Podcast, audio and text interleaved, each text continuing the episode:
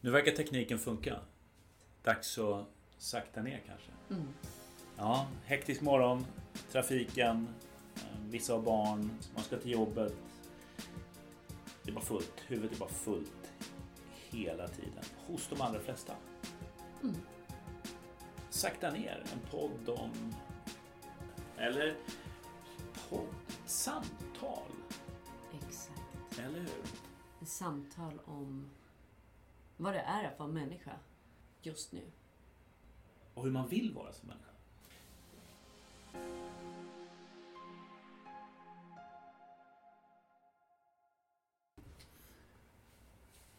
Här sitter vi. Mm. Jag, Peter, du. Malin. vill väl dela med oss av erfarenheter. Det finns ju en viss standard i samhället. Och jag- Jag har ju varit i näringslivet i väldigt många år. Och det, det är liksom en jakt ganska ofta. Och det är kvartalsrapporter och det är prestera här och nu. Och man vill vara en bra förälder och man ska prestera där. Och man vill vara en bra partner och man ska prestera där. Och sen så är det tillbaka till jobbet och så vill man träffa kompisar. Och så tappar man kanske bort sig själv och, och vem man egentligen är. Jag vet inte hur många middagar jag har suttit på när någon bredvid mig som jag inte har träffat förut frågar så här Vad gör du? De frågar väldigt sällan Vem är du? Utan Mm. det är så här Vad gör du? Eh, Och jag hade väldigt många år sedan jag identifierade med vad som stod på mitt visitkort och inte identifiera mig med Peter och vad jag kan bidra med eh, till andra. Och, Mm. och, och, och det är väl någonting som, som jag under åren har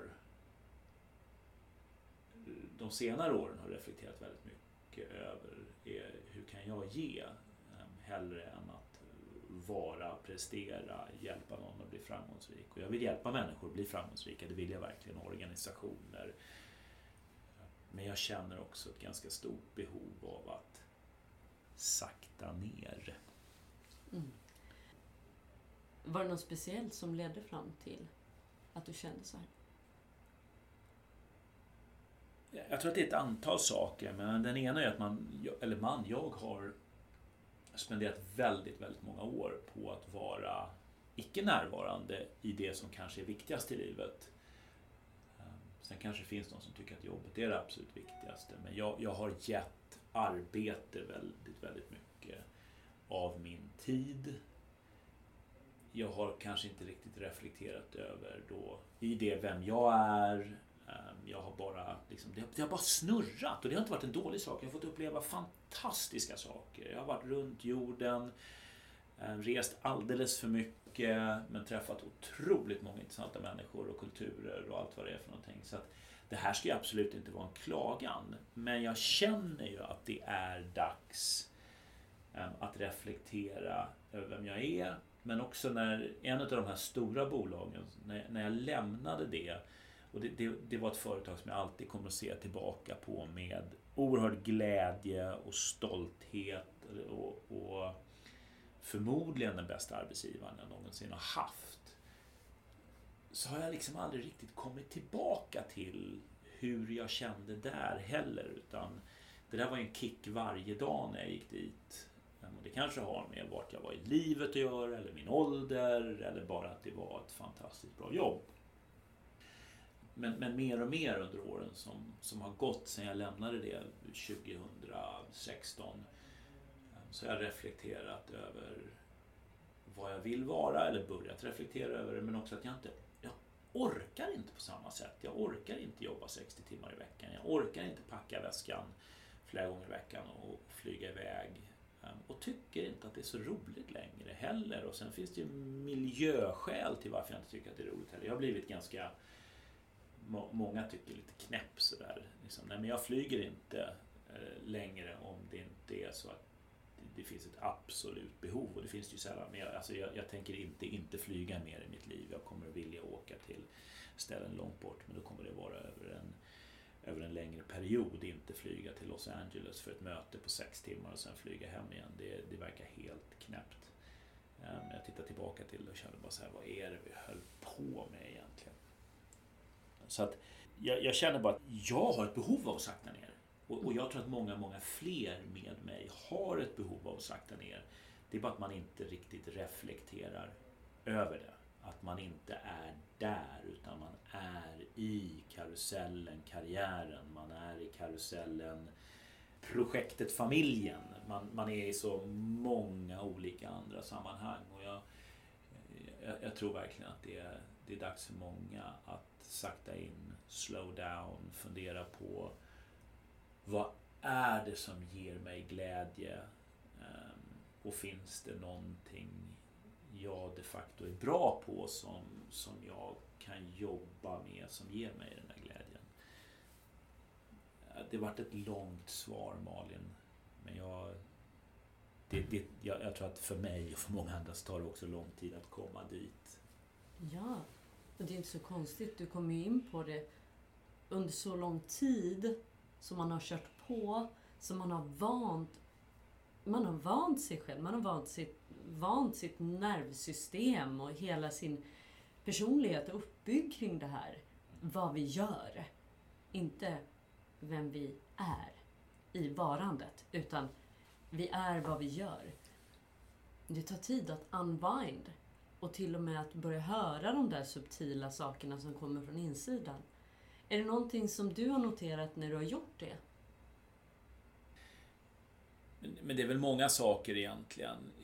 Jag tror att till en början är det stress. Alltså det, det är inte enkelt att, att göra den förflyttningen. För att, att, att vara i den där karusellen betyder också att man har en inkomst, eh, man känner tillhörighet, eh, man har arbetskamrater, man är i ett förhoppningsvis konstant lärande och, och ta det där steget tillbaka och börja fundera över livets viktiga komponenter och, och, och, vad man egentligen gärna skulle vilja vara, uppleva och göra själv är, är läskigt. Och, och det är läskigt utifrån många perspektiv. Det ena kanske är att lära känna sig själv. Ehm, den andra är vad ska jag leva på?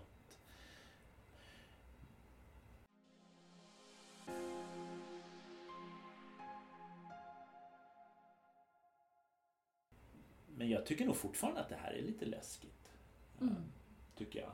Efter ändå x antal år. Och sen, sen jag lämnade det bolaget 2016 så har jag varit inne i andra bolag och jobbat ganska mycket. Ehm, ja men det jag skulle säga läskigt, lite stressande. Hur många är det som kanske vill lära känna sig själva på riktigt? Ja, det, det är väl lite så. Ehm, men jag tror att alla behöver det. Mm. Jag tror, precis som du, det finns ett motstånd i oss. När vi börjar att sakta ner så kommer det inte utan att vi behöver gå igenom massa känslor som vi tidigare har hållit en bit ifrån oss. Mm. Och till exempel, du är inne på det med stressen. Jag vet hur det var för mig när jag oundvikligen var tvungen att gå igenom den stressen för att jag kraschade. Kraschade så som att jag, jag hamnade verkligen i ett freeze. Från att ha gjort och gjort och gjort och varit liksom en intraprenör och hela tiden drivit på saker så en dag så tog det stopp. Jag skulle ta steget från intraprenör till entreprenör och eh, någonting hände det var som att skyddsnätet togs bort. Rädslorna som kom var för, de var för övermäktiga. Det var någonting som hände från insidan. Så jag hamnade i ett frysläge. Det blev ett sånt uppvaknande för mig. Det tog ganska lång tid att jobba igenom det. För det som behövde jobbas igenom var det som satt, mycket som satt i kroppen. Så här, låsta energier som var tvungna att liksom luckras upp och komma i rörelse. Och när de här energierna kommer i rörelse så kommer alla de här känslorna som jag har sprungit ifrån. Det är läskigt, det gör ont, det är utmanande på sätt som man kanske inte har varit med om tidigare. För tidigare har man hanterat det på med hjälp av fight och flight och man har hittat sätt att ta sig runt det här och trycka ner och stänga igen. Men, men är det inte lite så också att när man är i den världen som vi, vi, har varit i eller som de flesta faktiskt är i och det är inget fel i att vara där. Men, men någonstans är det ganska självgående. Man vet mer eller mindre vad som förväntas av en. Man sätter sin väckarklocka, man går upp på morgonen, man lagar mat till en familj eller frukost. Man ser till att alla kommer iväg dit de ska. Själv sen så tar man sig till jobbet, man kanske sitter i bilköer eller man står på tunnelbanan och eh, ser sig omkring och funderar på varför alla andra ser lite halvt uttråkade ut, vilket jag, jag, tycker är ett fenomen på tunnelbanan. Jag ska bara sticka in, le på tunnelbanan, alltid är det någon som blir förvirrad. Sen åker man till jobbet, man vet vad som förväntas där och sen när man är klar på jobbet, ja men då är det liksom, då reverserar man den här resan och så tar man sig hem och så eventuellt förbi en matvarubutik och, och, och på vägen dit så planerar man på vad man ska ha till middag. Eh, man kommer hem, man säkerställer liksom att de grejerna står på bordet och sen ska det skjutsas någonstans eller så ska man jobba lite till för man känner att man hann inte med under dagen för det var andra saker som tog över. Eh, Sen är det vabbande och sen kommer helgen och då har man föreställningar om hur bra allting ska vara och det är aktiviteter i projektet familjen som ska göras. Och man är i det här och, och på många sätt så är det ganska enkelt. Det är lätt för att man behöver inte tänka så mycket. Man behöver planera mycket, man behöver liksom optimera sin tid. Men man behöver inte ta ett steg tillbaka och fundera på är det här det jag verkligen vill göra? Sen, mm. sen finns det ju många som vill göra det. Mm, men vill man också göra det, då tror jag inte att man har stressen i det. Men det kommer också en tid efter allt det här och jag, jag, jag tror att en, en tid som, är ganska, som, som blir som en, en vändpunkt också. Det är när man inte behöver göra lika mycket i projektet familjen utan helt plötsligt så känner man att men där kan jag börja släppa taget lite grann och så går man till jobbet på ett annat sätt och kanske inte stressar hem lika mycket eh, även fast man kommer hem men man får mer tid för reflektion och så helt plötsligt börjar hända saker och det, det är väl då kanske också som man hamnar ehm, i det som vi har hamnat i nu till, till viss del. Absolut. Det är en ynnest att få hamna där och få gå igenom de sakerna och möta sig själv på det sättet. För det som händer, det är det här sakta ned. När sakta ned inte bara blir en manifestation i hur vi gör saker, det vill säga springer till eh, förskolan, lämnar in barnen snabbt och smidigt, kastar sig på bussen. Visst, vi slow down där, men det händer någonting på insidan också. Och det är den skillnaden som jag tror att det här egentligen det här skiftet verkligen handlar om. Det vill säga att sakta ned på cellnivå.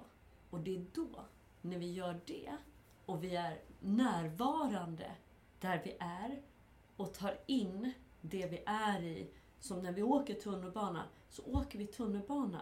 Och vi är där, vi ser, vi ser andra människor, vi ser ställen vi passerar. Vi upplever det vi är i.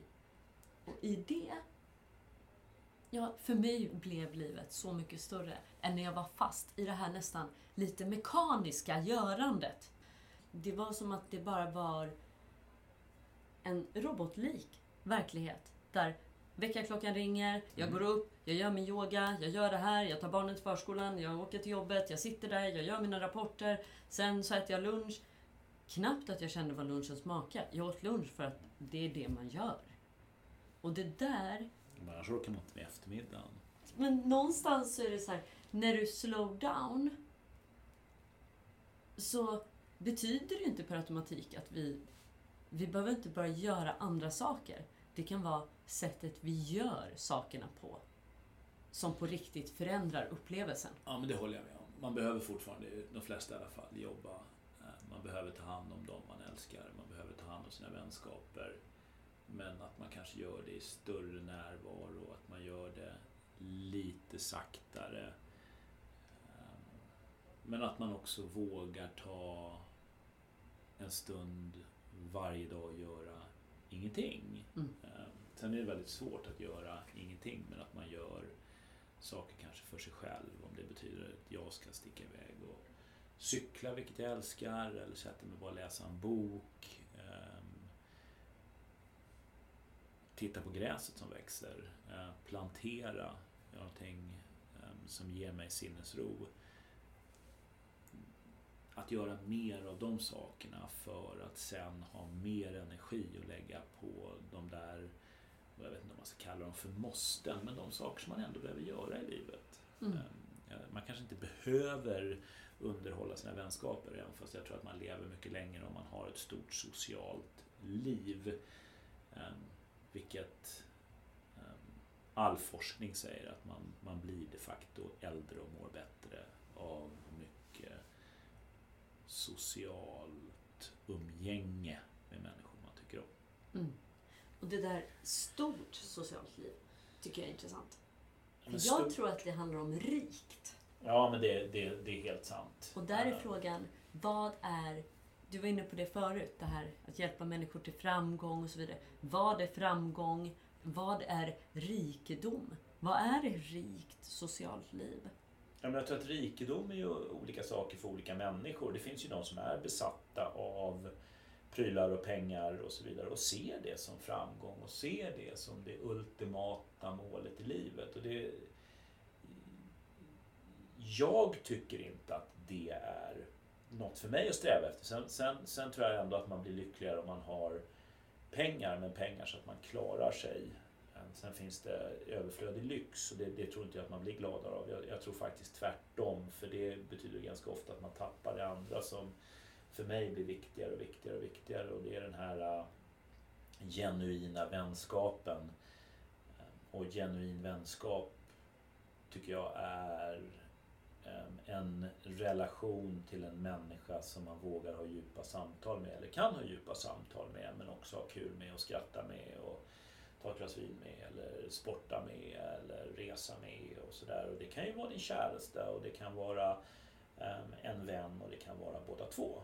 Um, och det är väl ett, ett jag vet inte om, om, om, det, om det kan kallas för, för framgång men det är ett värdefullt liv någonstans. Uh, och då blir det ett stort liv um, för mig. Och, och det är väl det jag strävar efter, att, att få känna just det.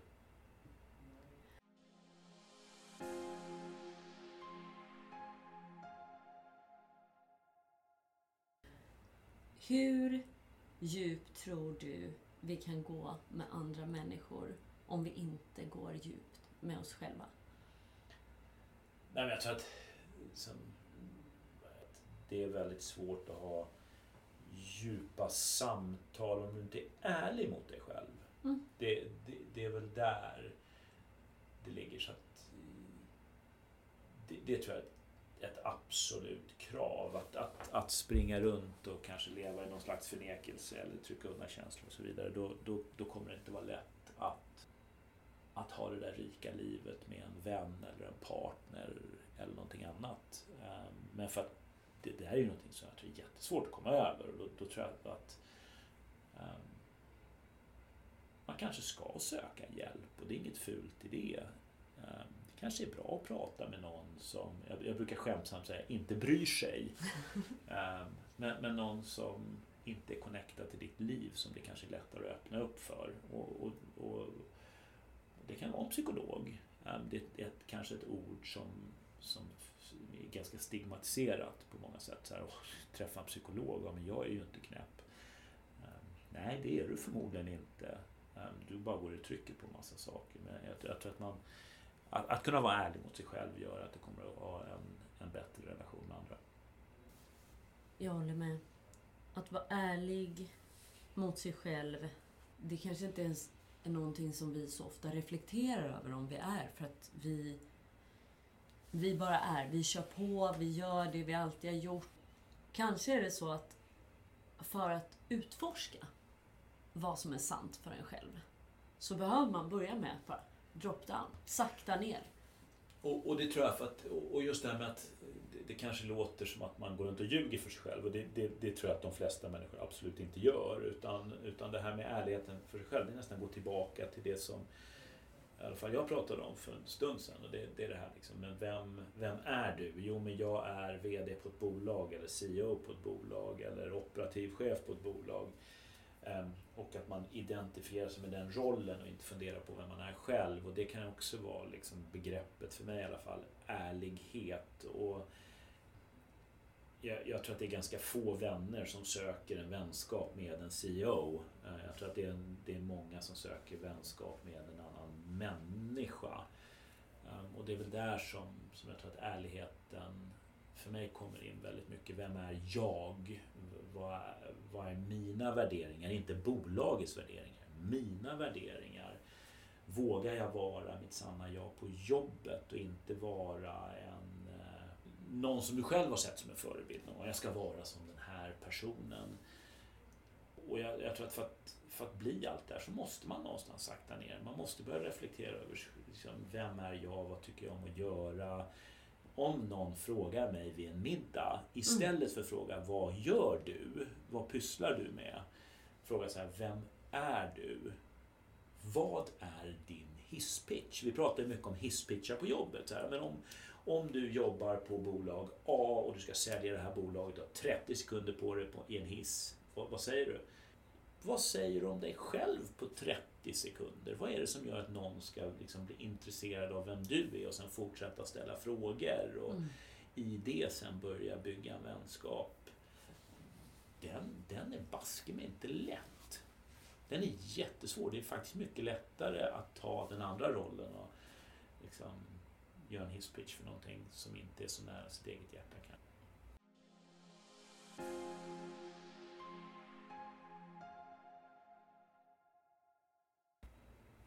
är det så att det måste börja med en viss form av nyfikenhet.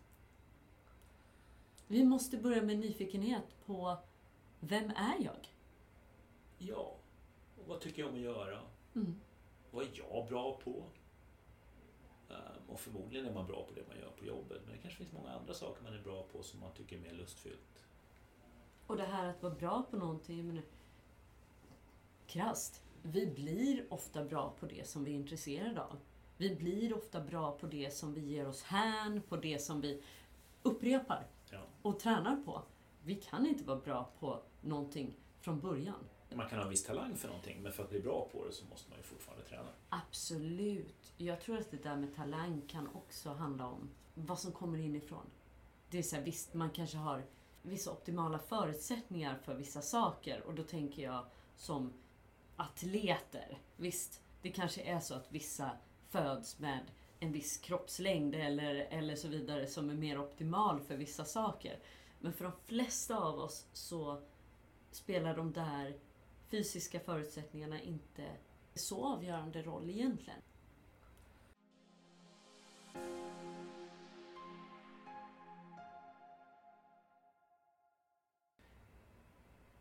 Men, men mm. i, i, allt det här med att liksom göra en förändring, eh, sakta in, vem är jag? Men jag har fastnat lite grann för Ikigai. Och, och, och jag tror att det, Ikigai är någonting man kan göra till sitt eget som, som så mycket annat. Liksom. Ingen, väldigt få saker måste göras på ett visst sätt. Ehm, jag tror man kan applicera Ikigai på olika sätt, även fast det finns en grundsten runt omkring. Mm. För de som inte känner till Ikigai, kan du ge en hisspitch? Ja, och det som Ikigai handlar ju först och främst om att, att, att sätta sig ner och, och identifiera vad är det som gör mig glad? Vad, vad, är det som gör, vad är det som tillfredsställer mig? What, what brings me joy? Och när man gör den övningen så gäller det verkligen att göra den utifrån sin egen person, inte sin egen profession. Mm. Um, och för mig kanske det skulle vara, ja men jag gillar att um, sporta mycket utomhus. Cykla, vandra, um, paddla kajak. Jag tycker om att odla. Jag, jag tycker om att coacha och lära andra saker. Läsa, vara ute. Det, det, det skulle kunna vara lite exempel på så här, what brings me joy. Sen i nästa steg så, så, så, så, så, får man sätta sig ner och fundera på så här, men vad är jag bra på? Och förhoppningsvis så är man bra på en del av de här sakerna som ger mig glädje och tillfredsställelse. Och det kanske var så här, men jag är ganska bra på att odla. Eller jag är ganska bra på att och eh, vandra och, och skapa upplevelser eller cykla och eh, lägga ut cykelrutter och så vidare. Och om man då börjar titta på så här, men det här är det som är lustfyllt för mig och det är det här som jag är bra på. Och sen börja fundera på what needs doing um, i världen eller i mitt samhälle runt omkring mig. Och så där. Men det kanske behövs mer ekoturism eller det kanske behövs mer ställen där man liksom kan liksom ta en break att åka till och, och, göra den här typen av saker. Vandra, cykla, paddla, bara vara. Mm. Äta närodlat, vara eh, lite hälsosam men också komma ifrån all den vardagliga stressen. Tunnelbanor, jobbet, barnen, inte, inte vet jag. Tittar jag då på, på de här tre, tre delarna, de tre cirklarna. Ja men det som jag ska göra kanske optimalt vore att ge mig in i ekoturism eller skapa en, en gård någonstans med x antal rum och ge människor möjligheten att göra det här samtidigt som jag får uppleva det själv. Det, det någonstans är väl en ikigai. Och det här, som, nu, nu pratar jag om det här utifrån mitt eget perspektiv och jag har inte alls köpt den här gården ännu och jag går fortfarande och funderar på det här. Det är ganska stora livsbeslut. Men det, det är ikigai liksom. What brings me joy? What am I good at? What needs doing? Kan jag applicera det här till mitt liv? Och, och jag tycker att det är en ganska bra start, men just det här att använda det som ett verktyg till att bottna i vem är jag? Vad gillar jag att göra? Vad är det som ger mig glädje? Och börja fundera på vad kan jag göra i livet som gör att jag får uppleva mer av det.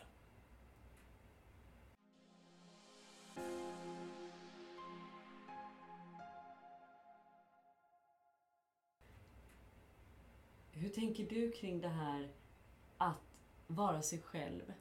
Det vill säga vara den man är kontra att gå runt och ha på sig en kostym av att man är det man gör. Jag tror att det där är förknippat med rädslor. Man vill inte att människor ska komma en för nära. Eh, jag tycker att det är, väldigt typiskt liksom västvärlden och framförallt kanske skandinaviskt. Man känner inte sina grannar, man, eh, man har aldrig hälsat på de som bor i samma trappuppgång.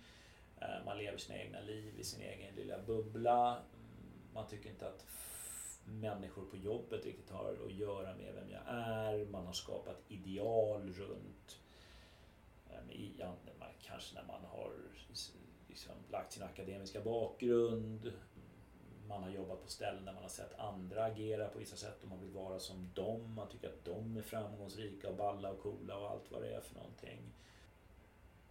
Jag tror att många vill vara populära och, och, och lägger på en mask eller ett filter för att försöka vara det. Medan jag tror att om man är sig själv, om man bjuder på sig själv och är samma person på jobbet som man är hemma du kanske inte blir populär, men du kanske blir omtyckt. Mm. Och det är en ganska stor skillnad. Och vi, jag, jag, tycker att väldigt många pratar väldigt lite om att vara omtyckt jämfört med att vara populär. Eller många kanske inte ens tänker tanken. Men, men det är väl det som är viktigt för mig. Jag vill vara omtyckt, jag behöver inte vara poppis. Um, har ingen ambition att vara det. Um, men, men jag vill väldigt gärna vara omtyckt. Men, men det är ett filter man lägger på. Jag, jag tror bara inte man vågar. Man, man, tycker inte att andra människor har med det att göra. Man, och, och, det tror jag också är historiskt betingat. Man är en person på jobbet och man är en annan person hemma. Det handlar ju mycket om mod. Mm. Vågar jag vara mig själv? Men det man kanske ska tänka på där för er som lyssnar är där du är på jobbet idag. Du fick förmodligen det jobbet för att du är någon. Inte för att du ska vara någon annan. Så att var dig själv. Du, du, du kommer komma väldigt, väldigt långt Mm.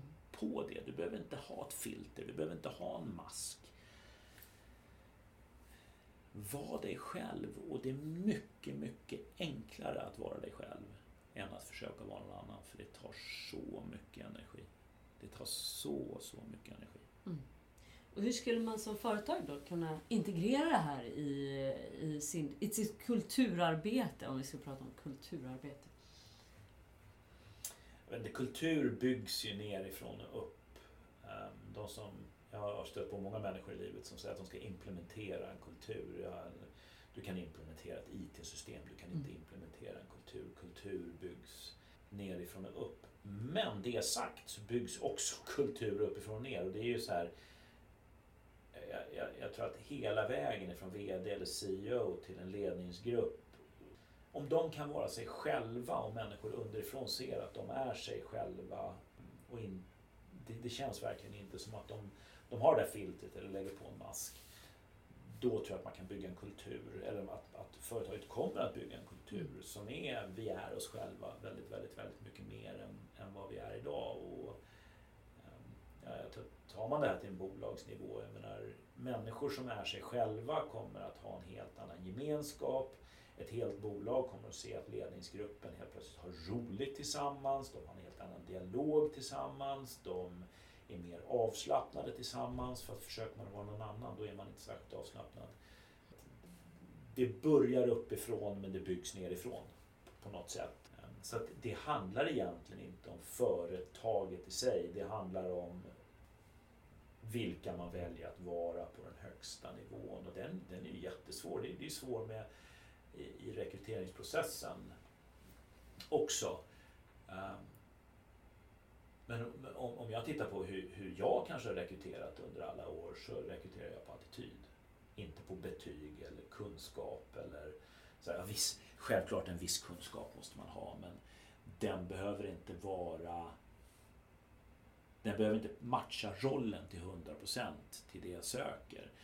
Ehm, om människan är normalbegåvad men har den attityd jag söker då kommer den här människan lära sig professionen och jobbet och komma in i det. Genom att bara vara sig själv. Mm. För det handlar om attityden. Eh, Du kommer inte kunna vända på det där. Du kommer inte kunna hitta, tror jag, den här personen som är klippt och skuren för rollen. Men som har fel attityd så tror du att du ska kunna ändra på attityden. Du kommer inte att ändra på en människas attityd. Jag är helt övertygad. Det kanske är utmanande. Däremot, jag tror att kultur börjar inifrån. Inifrån varje enskild individ. Och där tror jag att företag idag har alltså en jättestor möjlighet att skapa så himla mycket impact som inte kanske står i en impact-rapport men impact på en mänsklig nivå. Och det är ju där allting börjar.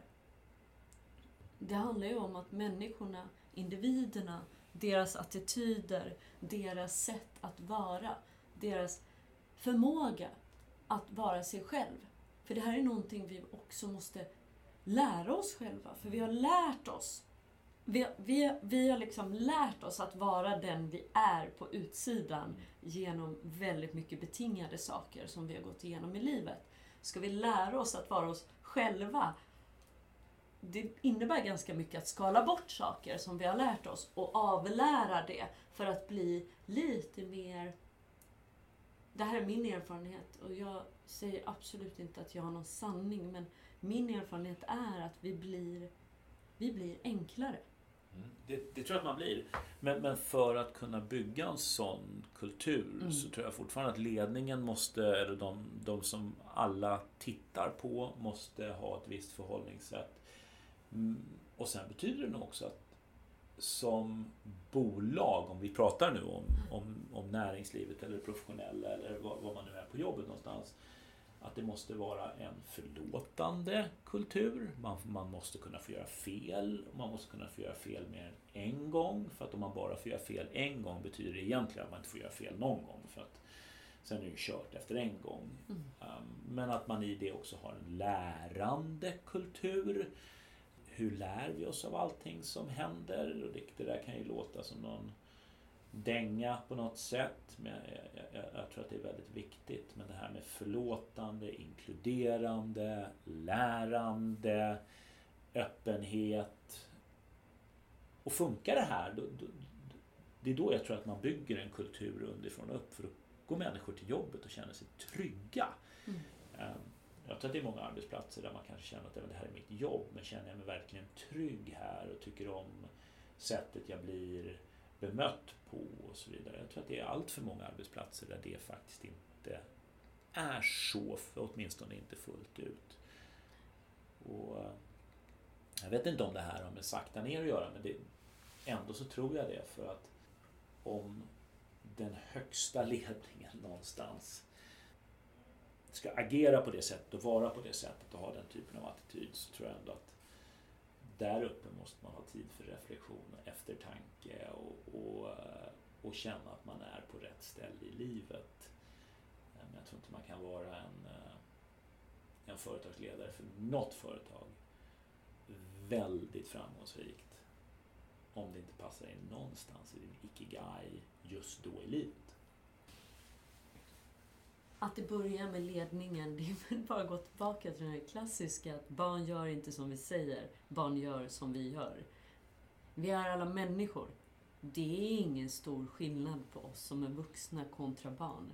Vi gör som auktoriteten i rummet gör om vår överlevnad beror på det. Och krast, det går ju tillbaka till ett mönster. Vår överlevnad lika med jobb, lika med att vara en del av någonting, lika med lön och så vidare. Så att det, egentligen är det ju inte konstigt. Det är ganska enkelt och kanske handlar det om just det. Ta sig tiden att sätta sig ner och bara vara ärlig inåt med sig själv. Om man då är i en ledande befattning där man faktiskt har möjlighet att hjälpa och bidra på så många mer plan än vad vi kanske idag tänker på. Där tror jag att reflektion är så himla viktigt. Att tänka utanför sin profession, sin funktion. Utan öppna upp och tänka på ett större perspektiv som människa. Och om fler ledare skulle våga ta in det perspektivet så skulle kanske den förändring som behöver ske i samhället sakta men säkert börja. Och jag tror verkligen att den börjar där. Det tror jag också. Jag ska skicka med en tanke här och det är ehm, Vem vill du vara?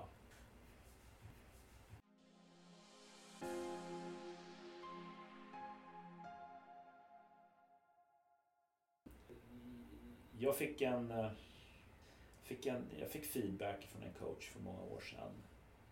När jag hade en ganska dålig dag på jobbet.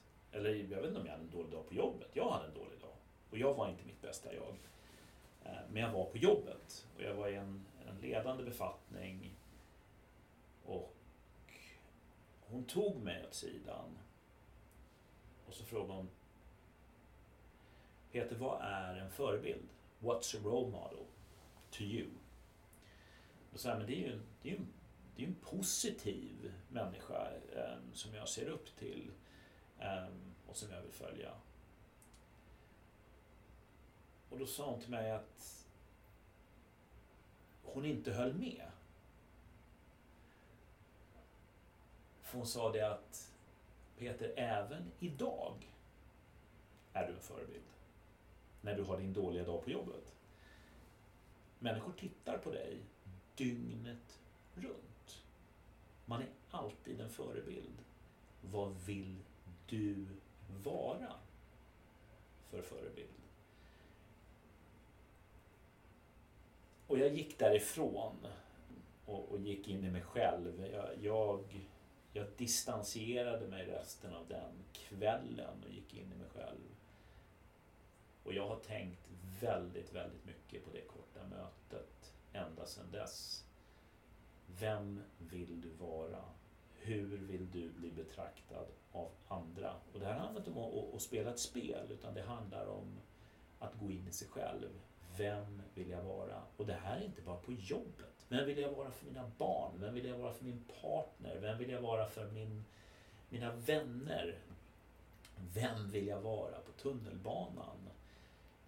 Det är en, på många sätt en enkel fråga. På många sätt ett enkelt svar. Men inte en helt enkel aktivitet att ta sig an. För vad ska jag göra när jag inte känner mig hundra? Mm. Så att det där är någonting som jag önskar att kanske många som lyssnar på det här tar med sig och funderar på. Vem vill jag vara? Vad är en förebild för mig? Um, och hur kan jag säkerställa att jag är den personen um, själv? Mm. Vad fint Peter. Tack. Ja, men det var det, det, det, var det lilla. Men, men det här handlar ju också om att vara sig själv och vara lite personlig och dela med sig av det man själv har fått uppleva. 100 procent. Jag tycker det är en väldigt vacker historia. Jag tycker att det är en, ett vackert ögonblick i ditt liv. Och jag Tack. tycker att vi firar det.